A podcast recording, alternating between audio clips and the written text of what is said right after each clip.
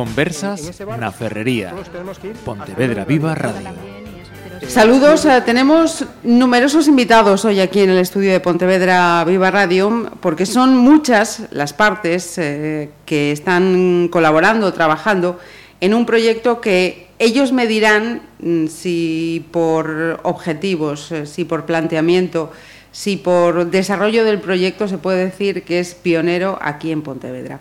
Nos vamos al ámbito educativo, pero nos vamos al ámbito social, nos vamos a todos y cada uno de los ciudadanos, porque todos, de alguna manera, eh, somos eh, partícipes y estamos eh, implicados en este trabajo que ellos realizan. Estamos hablando, me voy a centrar, que yo me disperso mucho, en el proyecto Redes de Innovación para la Inclusión Educativa y Social.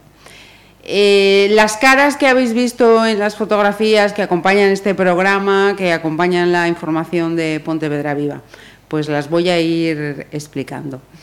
Ángeles Parrilla, bienvenida. Hola, bienvenida. Eh, Ángeles es, me ha dicho, la coordinadora del proyecto. Sí. Eh, tenemos solo cuatro micros, son muchos invitados, así que lo que sí os voy a pedir es que cuando habléis, sin ningún problema, movéis el micro, que no hay problema ninguno. Repito, Ángeles Parrilla, coordinadora del proyecto. A su lado, Esther Martínez, que es investigadora y profesora de la Universidad de Vigo. Buenas tardes. Bienvenida también José Torres, experto en seguridad y privacidad en redes. Bienvenido. Hola, buenas tardes. Patricia González eh, es técnica del Plan Municipal de Prevención de Conductas Adictivas. Hola, buenas tardes.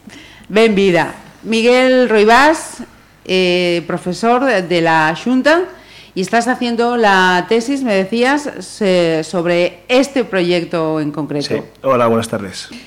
Francisco Freire, que ya, vamos a decir, ya está en su casa, porque ya ha venido unas cuantas veces y las que le quedan, es eh, vocal de, de Lampa de Pontevedra. Bienvenido. Hola, gracias. Eh, tenemos nada más y nada menos que también, y tienen en este proyecto, una colaboradora de la Universidad de Brasil. A ver si lo digo bien. María Fernanda Barbosa. Listo. Ven vida. muchas gracias. a ti. Y Rogelio Carballo, que yo antes ya le cambiaba el apellido presidente de Lampa. Bienvenido también. Buenas tardes. ¿qué tal? Que también lo, lo, hemos llamado en algunas eh, conversas, ya tienes experiencia en la, en la herrería, ¿no? Cuando esto eran las conversas en la ferrería, efectivamente. Las conversas en la ferrería. Eh, cualquiera de vosotros, voy a pedir un favor antes de comenzar. No esperéis que yo os diga que esto vaya surgiendo, que quien tenga la explicación, quien lo quiera explicar, lo diga. Entonces planteo la primera pregunta.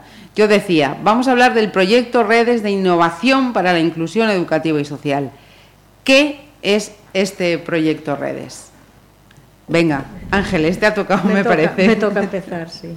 Bueno, eh, este proyecto eh, es un proyecto en principio de investigación e innovación eh, que está coordinado por la Universidad de Vigo y, aunque suena así a palabras mayores, es un proyecto subvencionado por el Plan Nacional de Investigación. Uh -huh. eh, ¿Qué pretende el proyecto?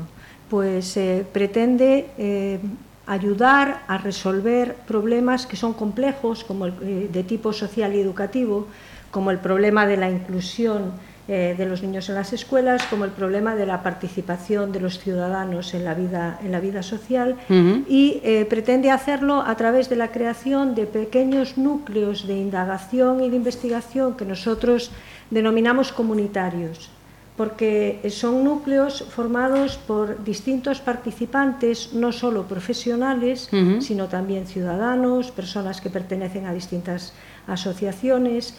Y eh, la idea básica del proyecto es esta, que mm, se puede y se debe construir conocimiento y buscar soluciones a los problemas, no solo desde una perspectiva experta, no solo desde una perspectiva que decimos disciplinar, sino al revés, uniendo a personas que tienen ópticas distintas y conocimientos distintos de los problemas eh, que se plantean. Uh -huh. Entonces, la base del proyecto es generar pequeños núcleos de personas que no es habitual que trabajen conjuntamente, que sean, eh, que exploren algún tema, un tema que sea de interés para, para ese grupo y que busquen alternativas y soluciones eh, creativas e innovadoras eh, para dar respuesta a esos problemas que muchas veces son eh, problemas muy comunes, ¿no? pero que es, como se abordan de manera parcial y de manera sectorial, pues es difícil avanzar en, uh -huh. en esa búsqueda.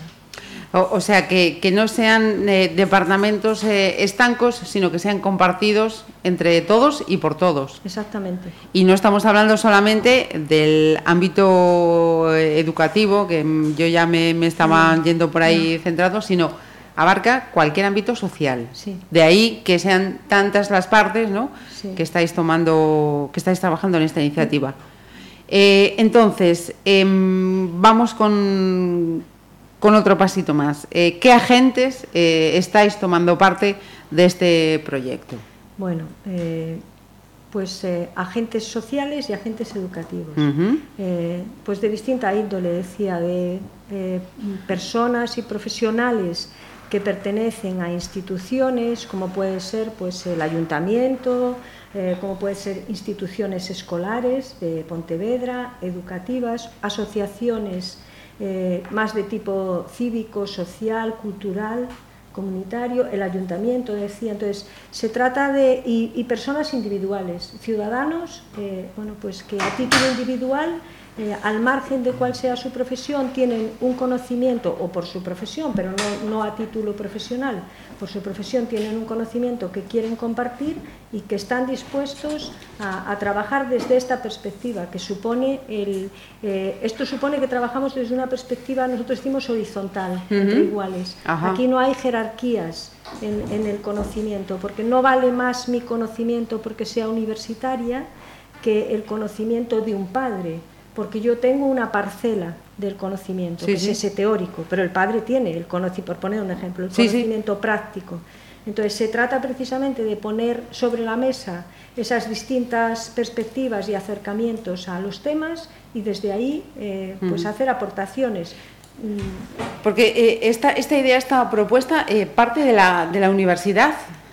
Eh, en principio sí, porque eh, decía que es un proyecto del Plan de... Nacional, entonces eh, bueno, para estar subvencionado tiene que presentarse, entonces la universidad la propuesta que hace es queremos crear en Pontevedra redes o grupos eh, de personas, de profesionales que trabajan, profesionales y no uh -huh. decía que trabajen en determinados temas, entonces lo que hemos hecho es crear un poco esa plataforma, de uh -huh. ir buscando esa red. esa red. Hemos tenido muchas reuniones en distintos, eh, pues de, eh, como decíamos, con distintos agentes sociales, cívicos, ciudadanos, hasta ir conformando un, un total de, de, seis grupos. Uh -huh. Yo quería ponerte un ejemplo para que se entienda bien el sí, por qué por nos ha interesado esto. Es un ejemplo que cuento mucho. Estábamos trabajando eh, hace, hace, bueno, pues hace unos años en un centro escolar con los niños y trabajábamos esto de la cultura de la inclusión, la uh -huh. cultura de la igualdad la cultura de no vale más quien tiene más capacidades o no vale más quien ha nacido aquí frente a un niño inmigrante. Bueno. Y los niños de la escuela en la que estábamos habían asumido muy bien esa, esa filosofía y esos valores. Pero nos encontramos que cuando esos mismos niños salían a la calle, eh, estaban en el entorno social o estaban en las familias, recibían mensajes Contradictorio. contradictorios. Entonces, cuando volvían a, al colegio, eran capaces de, claro, eran niños, eh, eh, eran capaces de mantener un doble discurso. Si uh -huh. hablaban de lo educativo, se reconocían los derechos de los niños, pero si hablaban de, lo, de todas las personas, sí, sí, sí. pero si lo hablaban de lo laboral, no, o de lo sanitario, no. Entonces, ahí empezamos a ver que mm, se, los proyectos que, en los que estábamos, que teníamos, tenían que ser más permeables, o sea, eh, eh, traspasar llegar, más, uh -huh. llegar más al, al ámbito social, de tal manera que el proyecto que, en el que trabajásemos fuese un proyecto colectivo y comunitario y que no estuviéramos, como decíamos al principio, trabajando en, en departamentos, en departamentos estancos. estancos. Uh -huh. eh, las partes eh, representadas eh, aquí, eh, cuando se os plantea esta iniciativa, ¿cómo, ¿cómo, recibís la, la, propuesta? ¿La entendéis desde el primer momento? ¿Decís, sí, esto había que, que trabajarlo, había ese vacío?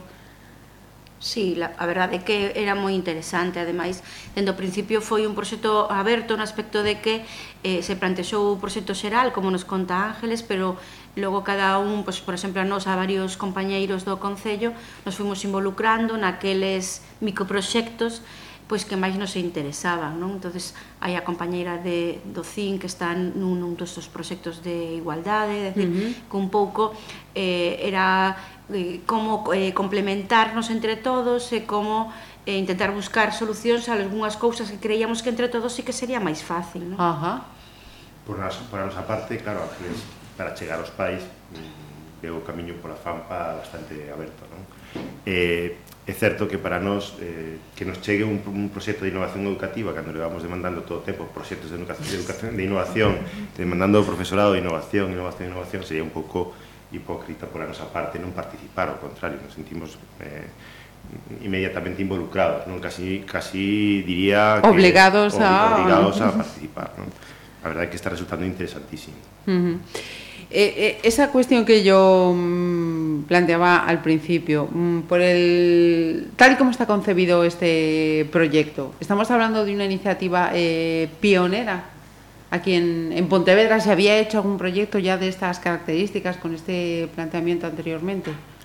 Bueno, yo no me atrevo a, a afirmar eh, tajantemente. Yo, yo desconozco yo, que lo hubiera, ¿eh? yo claro, personalmente, eh, que podría haberlo, pero hasta donde yo llego no, no recuerdo ninguno. Yo, de las dimensiones que tiene este proyecto, creo que no, ¿no? porque decimos que son eh, muchos temas, en este momento son seis, seis temas los uh -huh. que hay, eh, con participantes eh, muy distintos en cada uno de los grupos, con esta metodología en la que es el grupo el que decide en qué quiere trabajar, o sea, se han ido identificando temas. Nosotros no hemos, desde la universidad, no hemos ido a proponer eh, los temas, salvo esta contribución que queremos hacer eh, desde a, a, una sociedad más uh -huh. participativa, más inclusiva, con más equidad. ¿no?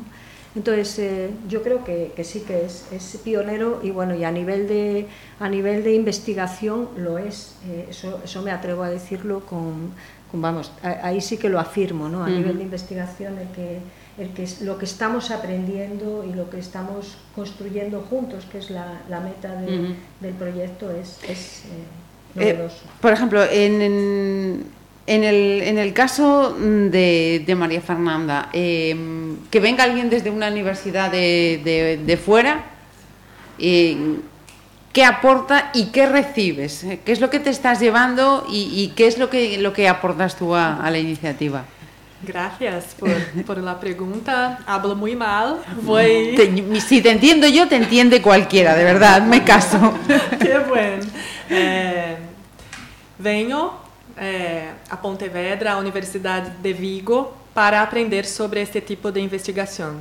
Com uhum. este grupo de Ángeles, né, que Ángeles coordena, é, este, esta investigação participativa é, que aborda a questão social, inovação uhum. e inclusão.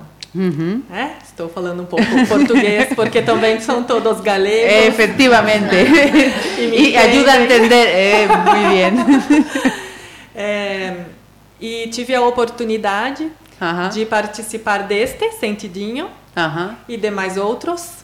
E estou levando muita, muito conhecimento prático, muito afeto também, porque creio que estes, estes trabalhos este tipo de, de proposta uhum. aproxima e torna mais significativa as mudanças né? e, e, e as aprendizagens que são uhum. de todos. Então, levo isto uhum. com muito carinho, muita tranquilidade, muito, muita alegria para o Brasil, para também fazer projetos lá, ali, na minha cidade, ali, sim, na universidade, em colaboração com aqui. Então, sigo colaborando, seguimos con la colaboración.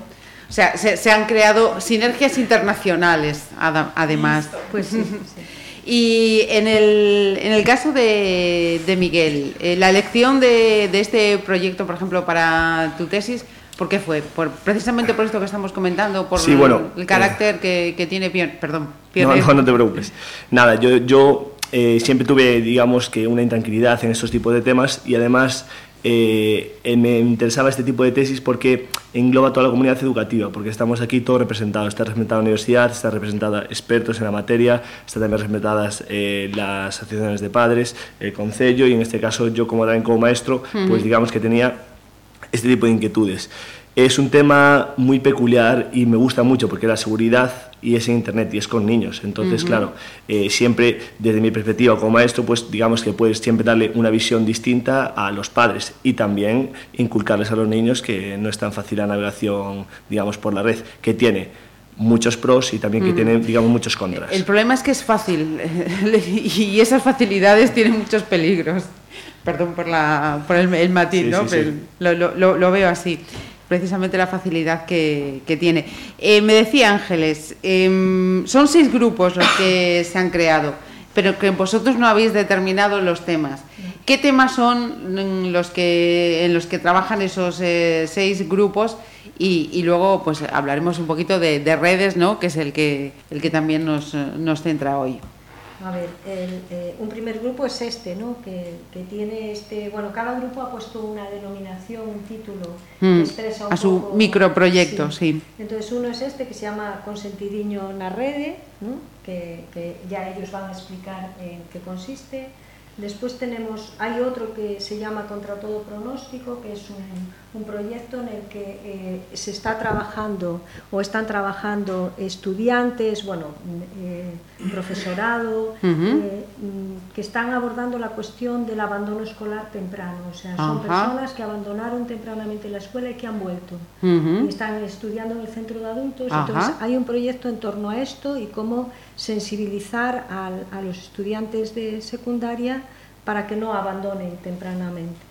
Después hay otro proyecto que se denominó Con Luz Propia. Este proyecto ya ha hecho su puesta en escena más importante porque todos los proyectos tienen esta parte inicial de que estudian, investigan, pero a la vez todos los proyectos tienen el compromiso de desarrollar algo práctico, de hacer propuesta, una propuesta en, con Luz Propia fue un proyecto eh, desarrollado eh, bueno, pues, eh, con la ONCE, con estudiantes con discapacidad visual, con algún maestro y maestras, maestras con y sin discapacidad visual, con padres de niños, y consistió en poner en marcha una, una biblioteca humana que se hizo el 12 de mayo en la Casa de Luz, donde los libros eran personas con discapacidad visual que contaban determinados eh, aspectos de su trayectoria. ¿no? La idea aquí era sensibilizar sobre las dificultades que tienen las personas con, discapacidad, visual.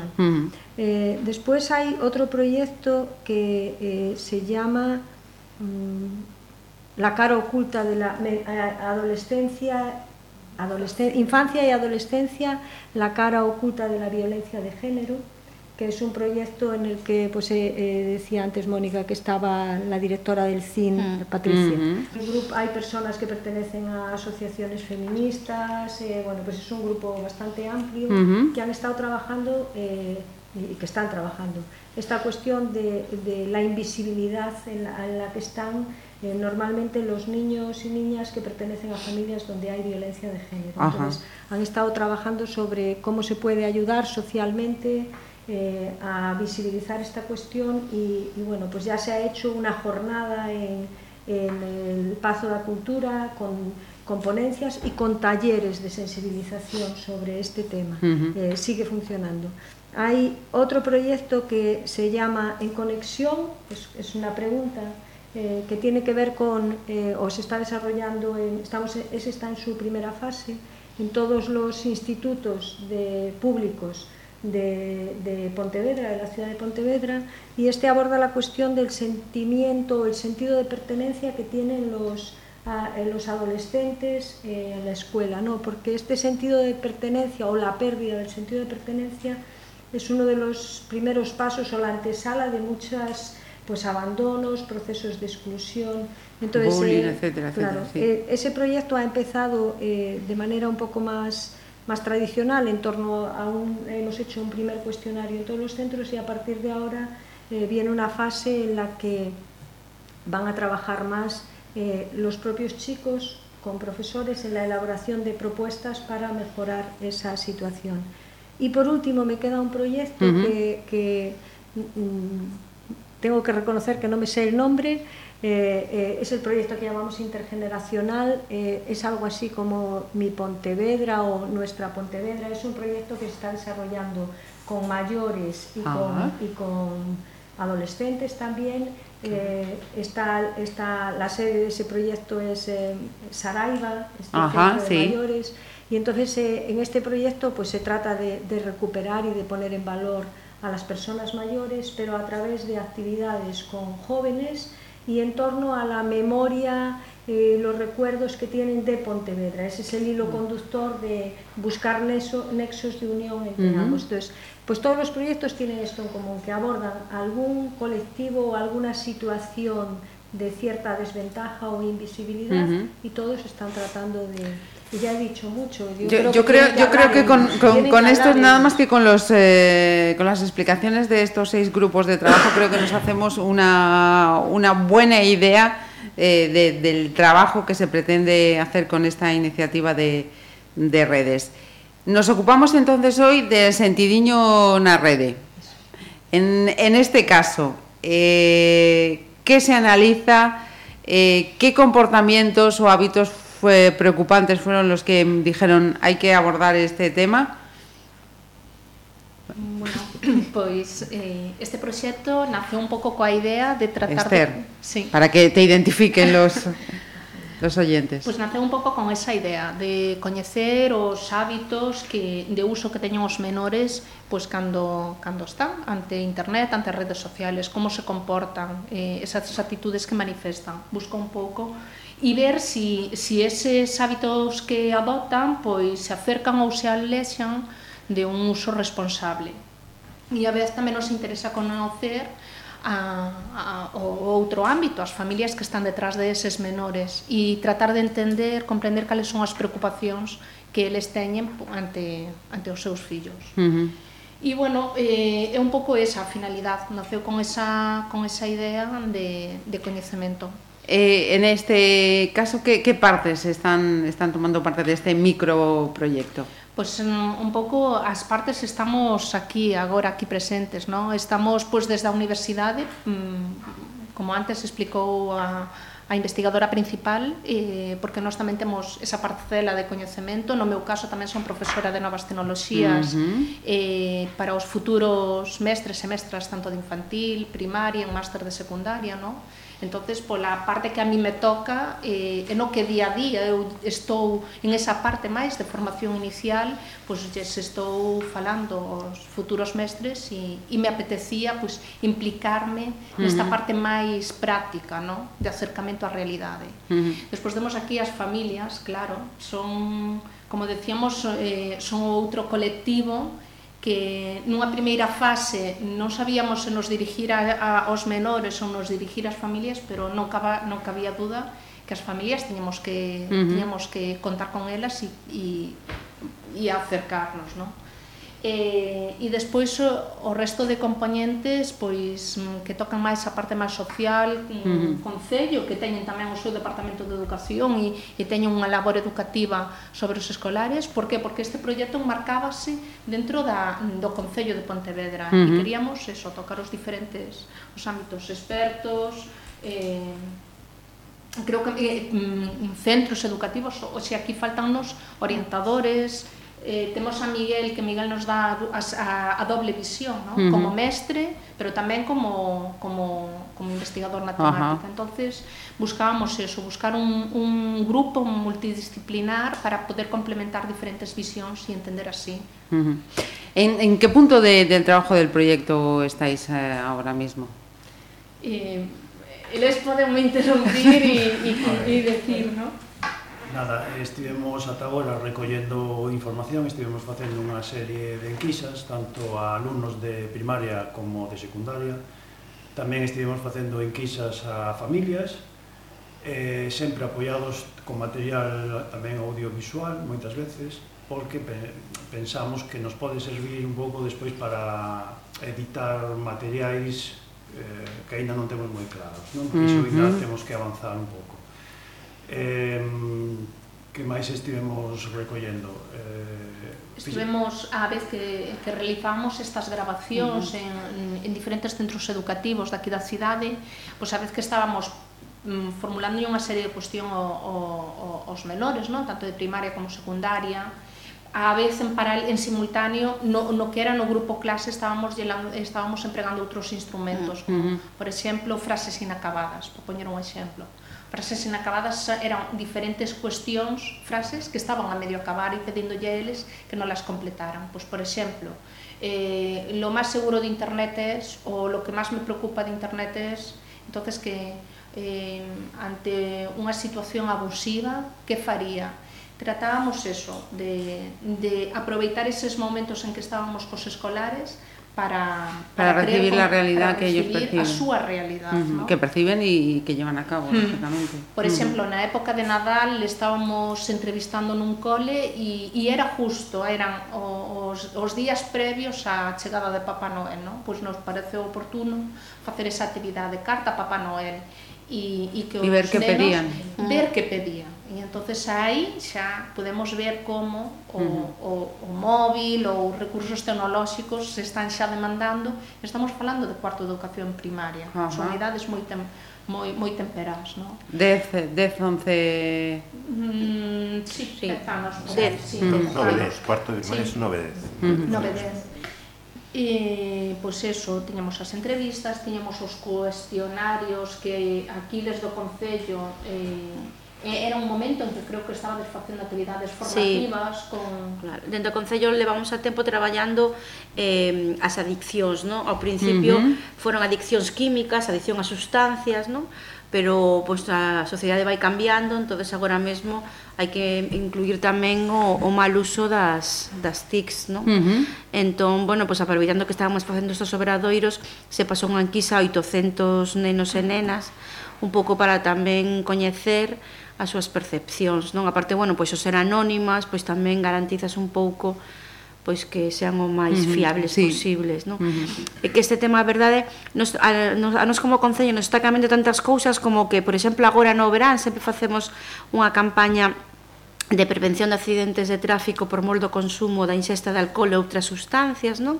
Este ano por primeira vez vamos a incluir o uso, o do, uso móvil, do móvil, porque realmente tamén es, ocurren uh -huh. accidentes de tráfico por collelo móvil, entonces sí, sí. que do, doy fe claro. además que casi soy sufridora peatonal non paso claro. de... bueno, incluso nos cuesta ir como peatón, sí, sí, non? Sí, Moitas sí, veces sí. que tes que ir esquivando a xente falando con móvil, uh -huh. non? E non, non só con adolescentes, senón tamén sí, sí, con persoas sí. maiores.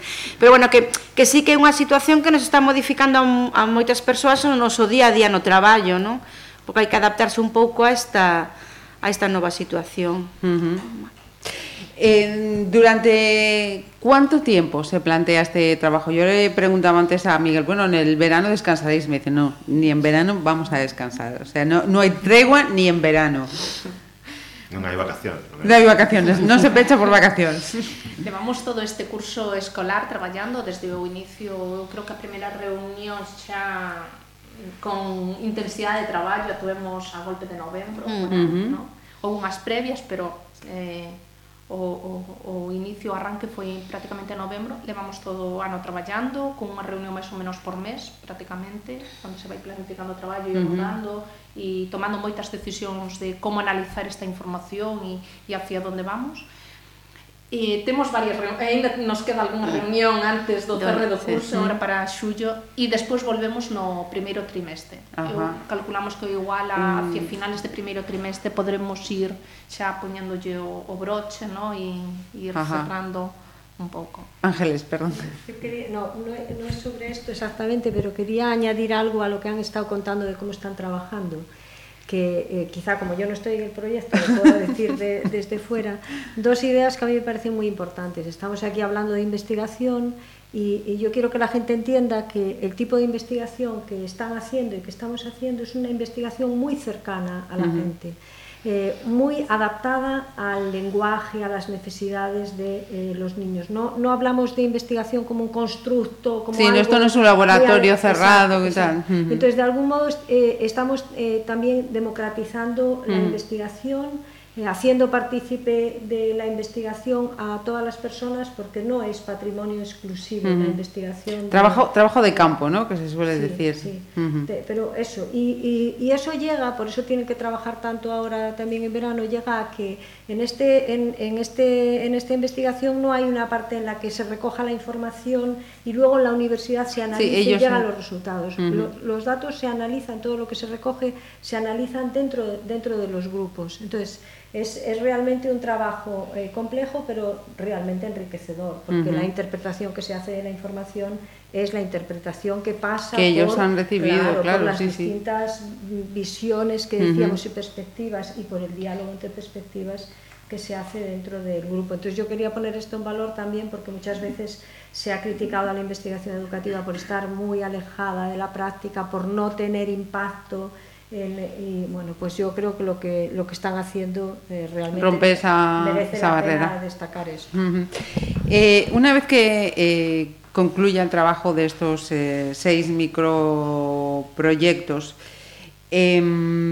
sobre qué o qué herramientas, eh, si es que todavía se puede hablar de, de, eso, depende de los eh, resultados, se, se pondrán a disposición o se difundirán para ir remediando todas esas eh, EIPAS que se, que se encuentren en los, en los seis grupos de, de trabajo? Pois pues unha vez que vimos un, que vimos un pouco os datos que, que se obtiveron a través das diferentes formas de estudos, ¿no? de diferentes eh, investigacións que levamos a cabo, eh, detectamos que sí que os escolares están bastante informados, ¿no? porque eles bueno, reciben charlas de moitas institucións, eh, pero que sí que as familias ás veces tiñan máis eh, lagunas ou lles costaba máis eh, seguir el ritmo de... Sí, sobre, seguir o ritmo dos rapaces, porque agora os nenos son os que levan na casa sí o mando, non, de todo o que hai na casa, non?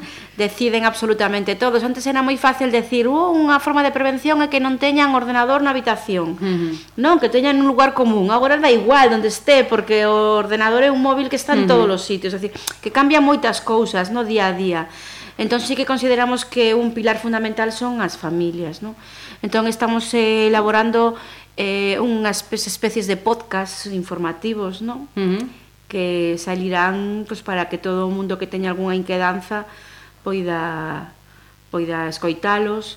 Digamos eh, que queremos xerar unha serie de recursos sí. que se xan de consumo intemporal, general, xan, para todos, que se xan ferramentas que se poidan consultar en calquera momento, eh, na que haxa pois, estrutura de documentos, estrutura de ligazóns a institucións, estrutura de tamén de, de podcast, porque un, é un formato que é facilmente utilizable, que facilmente, en, prácticamente non hai barreira tecnolóxica para acceder a él, e porque a, nós como Federación de AMPAS temos a, a experiencia non? de facer uh -huh. esta clase de charlas sobre os riscos, os delitos que informáticos para adolescentes, e atoparte con que íbamos 20, verdad, casi sempre os 20 que eh, xa non digo os que íbamos, non? os que íbamos que xa repetíamos algunha vez, non? Entón xa, xa solo fora porque a primeira vez escoitache se moi burro non eres, pois, bueno, algo xa pillaba. Quedaba. Pero os pais que iban non necesitaban estar ali. Uh -huh. Os pais que iban son xente perfectamente consciente dos riscos que hai, que o único que van é a reforzar coñecementos. Entón sí que nos preocupaba ese, esa, esa forma de chegar aos pais, non? Eh, unha cuestión que nos quedou bastante clara coas entrevistas aos pais e ás familias é que todos están preocupadísimos polo feito de que o seu fillo poida, ou filla poida ser eh, vítima de acoso ou dun delito na rede e demais pero ningún deles ve a seus fillos como, ainda que sea por mera imprudencia, poidan ser eh, causantes. Cometer, causantes ou cometedores dun delito. Non? Entón, eh, nos parece moi importante a labor de difusión das, conclusións, das conclusións e das ferramentas que podemos sacar daqui, non? Deste, uh -huh. deste, deste proxecto. Eso, claro, Ángeles foi moi moi hábil, e nos meteu ese anzueliño aí, non? Entón, picamos, picamos como, como merluzas. Pero sí que é certo que para nos é algo moi importante. Eh? Uh -huh. Perdóname o chascarrillo, tiña que é difícil meter un gol porque aquí falan tamén todos que ti tens que facer algo así pola tangente. non? No, el anzuelos lo pusisteis vosotros mismos porque el tema lo escogisteis vosotros. O sea, nosotros fuimos a la Era de un bamba. anzuelo, era innovación, ¿no? Sí, sí. Innovación, un cartel, eh, ¿no? como gatos, como gatos con faros. O sea. E que aparte familias agora é moi complicado topar espazos eh, para xuntarse, quero sí. Andamos a correr seguido, non? Entón, eh, normalmente che, cando facemos escolas de familia che din é super interesante, pero é que me é imposible polo traballo, porque os nenos, da igual o que, po, que é complicado, eu sí. eh, lles interesa moitísimo, pero esa, existe esa dificultade. Bueno, e con estos, as novas tecnoloxías, teñen cosas boísimas, non? Que claro. isto non é criminalizar nada. Entón podemos usar o que estamos estudando, non? De forma uh -huh. positiva, non? Entonces poden escoitar o podcast cando queiran, se van a poñer moitos recursos eh, para que non sexa só escoitar, sino que poidan acceder, uh -huh. pois si eh, no tema da denuncia como pois incluso os impresos de como facer unha denuncia, decir, vamos a intentar que sexa o máis práctico posible, non? Uh -huh. E, e incluso eh, dado que estamos a a falar de de entidades eh públicas eh, a posibilidade de que as conclusións, a experiencia mesmo do, do proxecto, o proxecto en xeral eh, sea eh, publicitado, exportado, eh, explicado en outras entidades fuera de Pontevedra, fuera de Galicia, Ahí, Brasil, ten, sí. levar para a experiencia. Sí.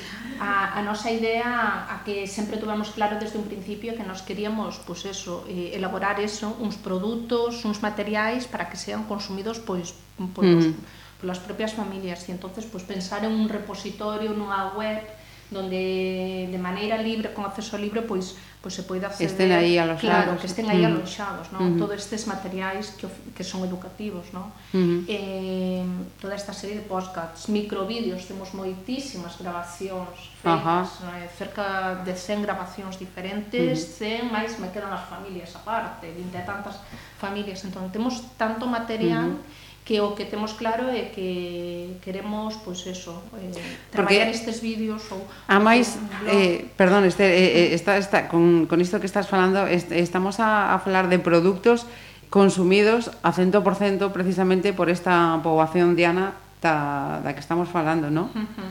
Sí, e bueno, e que son produtos que despois tamén eh, eu a nivel de, de no momento que estou dando clases a nivel de facultade eu podo utilizar estes materiais para mm. os meus alumnos ou desde o Concello, cando están eses plans de mm. formación, mm. poden dispoñer deste material Ajá. ou as propias fampas, como decía Rogelio, tan difícil de que se organizan charlas e que é difícil que asistan. Bueno, pois son materiais que se poden consumir en calquera momento desde calquera dispositivo. Uh -huh eh, cando lle estuvamos facendo as entrevistas á familia tamén pensamos eh, xa do análisis, en ese análisis interno que facíamos dos materiales recollidos polos, polos nenos e nenas, iban salindo unha serie de temáticas e esas temáticas eh, lle pedimos ás familias que non las priorizaran, non? Pois temáticas como como facer unha denuncia, aspectos legislativos que, xo, que xiran en torno a, a, a, ao tema de estudo, o mal uso ou un uso problemático de internet, control parental, seguridade na rede, dispositivos, optimizar os perfils de usuarios e identidade digital. Estas son as sete temáticas que saliron tras uh -huh. o análisis de, do material que recollemos uh -huh. e que as familias pois, tamén as recoñeceron e as e as priorizaron. Entonces isto nos dá idea das temáticas dos podcast que vamos a, Porque, ir elaborando. Eh, no sé si eh, hasta la fecha eh, con el trabajo desarrollado habéis llegado a ese, a ese, punto de conclusión. Con, con esas cuestiones que estabas eh, comentando, ¿no? pese a la información que, que esta población tiene, porque de, de cuerpos de seguridad, eh, de administraciones están constantemente con charlas, cursos, esto se puede hacer, esto debéis hacer, esto no debéis hacer. ¿Encontráis que pese a toda esa información, todos esos consejos que continuamente se les están dando, se siguen cometiendo esos eh, errores e sigue existiendo ese desconocimiento. Sí, é moi curioso cando se analizábamos as, eh, os vídeos se eh, transcribiron, non? eh, era moi curioso porque unha das preguntas era ti faz un mal, un mal uso, o sea, que perigos pode ter internet, non? Faz un mal uso, entón a mellor os rapaces te, o te contestaban, bueno, pois eh, he deixado de estudiar, un tanto como estudiaba antes, ou aos meus amigos salen, eu quedo na casa vendo vídeos e tal, non?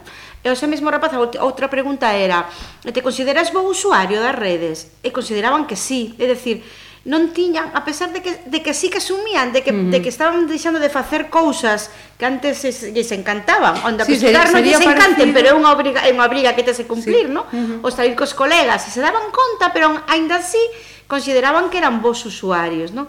Si sí que existe eso de que o coñecemento o teñen, pero non dan asumido. Realmente. Tienen esos roles contradictorios que era de alguna maneira también lo que decía Ángeles con el tema de la inclusión, ¿no? Exacto. Pasa lo mismo. Uh -huh. Entón é moi curioso, entón a intentar eso, cambiar, que lóxicamente eso, as novas tecnoloxías son alucinantes, que non saberíamos vivir sin elas agora uh -huh. mesmo, pero que cando te impiden eh, facer cousas que hai que facer, pois entonces sí que hai que hai que darse conta de todo iso, que é o único que se pretende un pouco. Uh -huh. Tampouco que lle puñamos fácil os rapaces, non? É dicir, meu fillo ten 12 anos, está en primeiro da ESO, e para presentar traballos ten que utilizar unha conta de correo de Google con dos a, aos requisitos de acceso a unha conta de Google son 16 anos. Entón, nos, todo este, todos estes conflitos aparecen neste traballo uh -huh. de investigación, non, non solamente que os rapaces pois eh, vayan moi rápido, non? Eh, que teñan un acceso ás tecnoloxías e que tamén incluso se les, o educativo se les aboca, sí, sí. O sea, uh -huh. eu creo que o que decía Patricia é moi certo, os país, eu non me considero un país eh, analfabeto digital, ao contrario, máis ben estou tirando no extremo no extremo contrario, tecnoadicto, non? eh, de, de, aqueles que empezamos cun modem que chirriaba eh, tal. Bueno, pero sin embargo é moi difícil seguir o ritmo da o ritmo mm. o que se move esta esta sí, capacidade de innovación digital. das redes, ¿no? Estes no, dos... eh, a raíz do que estabas comentando, Rogelio, Rogelio eh, que eso tamén... Tamén vale, Rogelio. Eh. eso tamén o, o vimos, non? Ese, ese distanciamento, esa, esa distancia a nivel de coñecemento de uso e manexo que hai entre familias e os seus propios fillos. Son dúas uh -huh. son dous colectivos que son de dúas generacións distintas, non?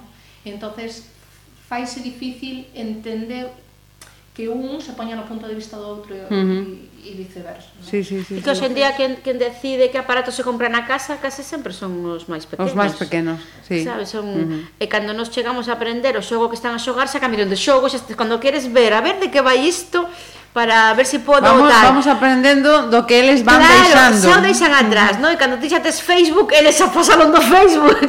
eles están a outro rollo. É dicir, mm. que é moi complicado eh, bueno, tamén forma parte Seguir da adolescencia, no? ir sí. un pouco escapando de, dos controis parentais, uh -huh. pero que bueno, que, que sí que hai uh -huh. perigos. E logo, eh, sí que está existindo certa soidade nos adolescentes, no aspecto de que antes pues, nos, tenían, nos tenían que chamar para volver para casa e ahora casi os papás se ven na obriga de botalos fora, uh -huh. porque están no seu mundo. E outro día pasaban unha pandilla que estaban pola rúa E se decían, vamos a botar unha partida, vale, cada un foi para a súa casa a xogar xuntos, pero dende casa, non? Entón, que realmente sí que están modificándose moitas formas de socialización, e vas pola rúa esas pandillas de moitos rapaces, bueno, pois cada vez van un pouco a menos. Eh, como papá e mamá decimos, va, están na habitación, mm. os temos controlados, non pasa nada e non hai perigos." E realmente hai tantos ou máis perigos que fora, non? Eh, en este traballo de, de campo que, que estades a, a facer, canto hai ou si se atopou eh, casos de, de, de denuncias, de conductas... Eh... El, nosotros lo que nos encontramos realmente es que hay padres que ante cualquier tipo de, de, un uso abusivo, son sus hijos son protagonistas o víctimas o perjudicados de, algún, de, una conducta en Internet, no saben realmente lo que tienen que hacer, no saben a quién dirigirse, no saben formular una denuncia, no saben claro. si... O sea, habéis encontrado ese vacío. Claro, eso nos lo encontramos en, bueno, en las entrevistas que le hacemos a los uh -huh. padres. Y bueno, por supuesto los chavales no tienen, la mayoría de los casos, ni idea. Hay gente que intenta resolverlo por sí mismo, cosa que en muchas ocasiones es un error.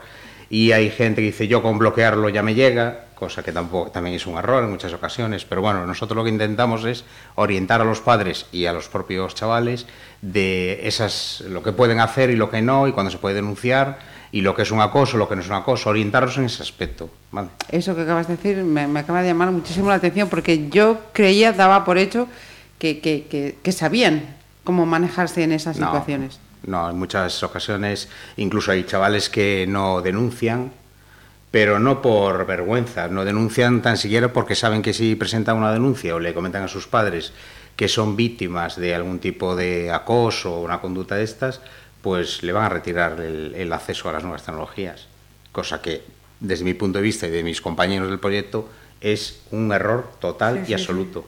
Sí. Y entonces no se presenta una denuncia tan sencillo como por eso, por ese motivo. Con esto que, que está comentando eh, ahora mismo eh, eh, José, ¿a vosotros también eh, os han llegado estas situaciones de sorpresa? Es decir, no me imaginaba que esta realidad era, era así. ¿Pensabais que, que era de, de, otra manera? ¿O no nos pasa a ver, como sempre, a mí? Me acabo de, de... Sempre, sempre chega algunha información. Cando estás nunha AMPA nun centro sempre te chega unha información pois, bueno, sensible de algún caso de acoso, de algún caso de, de mal uso eh, nas redes. A ver, non é, non é algo moi habitual, ou polo menos non, non, non, non nos chega de forma moi habitual. A ver, temos que pensar que tamén eh, para os pais isto estamos nunha situación moi nova, porque nós fomos educados agora, nós que temos fillos agora en, en idade escolar, uh -huh. fomos educados nun sistema totalmente distinto que non había nada disto, non había teléfonos móviles Entón, claro, dende, dende a perspectiva de educar a un fillo hoxe en día, eh, pois, eh, non tes esa información, non sabes se o, se o faz ben, se o faz mal, claro que temos moitísima información, é certo, José Torres para as AMPAs fixo un traballo eh, inmenso, o problema é o que comentamos, que a esas charlas, a esas uh -huh. conferencias asistía pouca xente. Aí o sentido deste proxecto de, en vez de levar a, aos especialistas, aos centros, a dar as charlas, que levar, leválos a, ás casas, dentro das mm, casas, mm -hmm. no, os podcasts, os microvídeos do, do proxecto. Entón, claro, estamos agora nese momento en que non sabemos as familias se eh, eh, ata onde se pode chegar, ata onde temos que parar. E aí temos un grande debate. Hai uns que son máis estritos co, co, co seus fillos e outros que son máis máis laxos. Máis light. E sobre isto tamén está unha cuestión de cambio cultural ou de cambio de paradigma, é dicir, ti agora, agora criticamos un rapaz que se bote tres horas chateando, pero recordo as broncas que se montaban cando te, cando te botabas tres horas en teléfono cando tiñas teléfono na casa eh? cantos ligamos por teléfono horas e horas vamos, é dicir que eh, tam, eh, eh, foi algo que pasou pasou esa tecnoloxía, pasou esa cuestión e tam, non hubo grandes perjudicados non? Uh -huh. aquí a cuestión está un pouco máis complicada non é tan, non é tan simple, non quero ser simplista Eu aquí uh -huh. un pouco son sempre o que o máis optimista do grupo.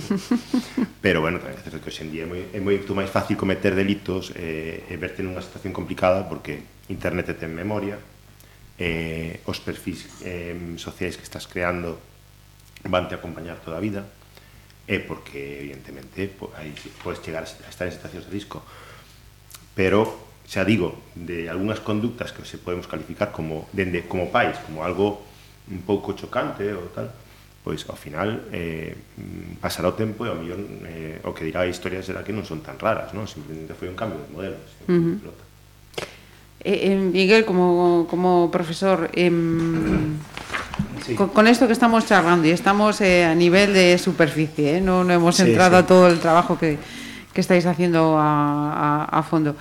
Habría que pensar en, en introducir en, en el aprendizaje precisamente en estas eh, materias? Pues sí, mira, yo creo que se debería pues introducir pues más digamos expertos o más personas que sí que formen tanto a niños como también que nos formen a los maestros, digamos, que nos formen de cómo enfocar eh, muchas veces eh, si tienen cualquier problema, digamos, en la red o así, de cualquier persona que tenga, digamos, que lo acose, o no mismo que sea una persona por la red, que puede ser un compañero de al lado haciéndose pasar por otro, con uh -huh. otra red social, con otro perfil, acosando a ese niño. Pues yo creo que sí, eh, deberían hacerse a lo mejor, digamos, más protocolos de cómo digamos, eh, las personas de la comunidad educativa, no solo también profes, a veces algún padre así que nos diga, mira, mi hijo a lo mejor a mí no me lo cuenta, pues a lo mejor se cuenta mejor a un profesor o, digamos, a otro compañero y desde ahí intentar sacar alguna solución. Uh -huh. Porque recordemos que todos aquí estamos para ayudar a los niños, que es lo que queremos que los mejores beneficiados en este tipo de aspectos sean ellos, claro. Uh -huh. É que moitas veces, ademais, eles non se dá conta de que cometen delitos uh -huh vale? Porque non son conscientes, conscientes. claro, mm. moitas veces eso compartir algunha foto pois non permitida ou incluso etiquetar a xente que Sin non permiso. quere sair, mm -hmm. non? Entonces que moitas veces eles eso sí que están está tan normalizado que non se chegan a plantear en ningún momento que non está ben. Entonces, se perden un pouco a veces esos Los límites, límites. Sí, incluso, uh -huh. bueno, pois chegan a gravar os profes en clase, eh, e chegan a ver así como problemas sí, gordos, sí. eh Pero tamén hai que recalcar que tamén os papás e mamás facemos un uso moitas veces, que decir, que non vamos a botar mm. a culpa solo a eles, non? Porque eu sei que nos centros educativos os grupos de WhatsApps das mamás e dos papás están creando moitos problemas tamén.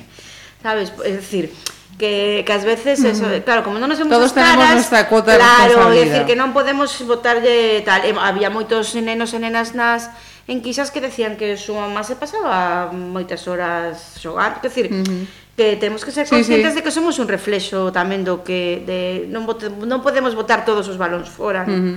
E que é máis fácil moitas veces ter a un neno nunha cafetería cunha tablet vendo uns debuxos que estando pintando con el, non? Por uh -huh. exemplo. Entón, bueno, pois pues, esa comodidade a veces se nos eh, volve sí. para nós. Como un bumerang, Claro, ¿no? volve para lá. Uh -huh. Pues mmm, no va a ser el, último programa que, dedicamos a esta cuestión porque queremos seguir eh, adentrándonos, conociendo más detalles de, este proyecto Redes. Hoy de alguna manera hemos hecho el, el inciso, hemos puesto el acento en el microproyecto Sentidiño na, na Rede, pero agradeceros primero que nos hayáis eh, puesto al tanto de esta iniciativa. Segundo, que estuvierais interesados en que diéramos voz a este proyecto. Y tercero, pediros eh, que, sigamos aquí sentándonos alrededor de esta mesa y que como medio de comunicación pues podamos ayudar en, la medida de lo posible. ¿Vale? Gracias. Gracias.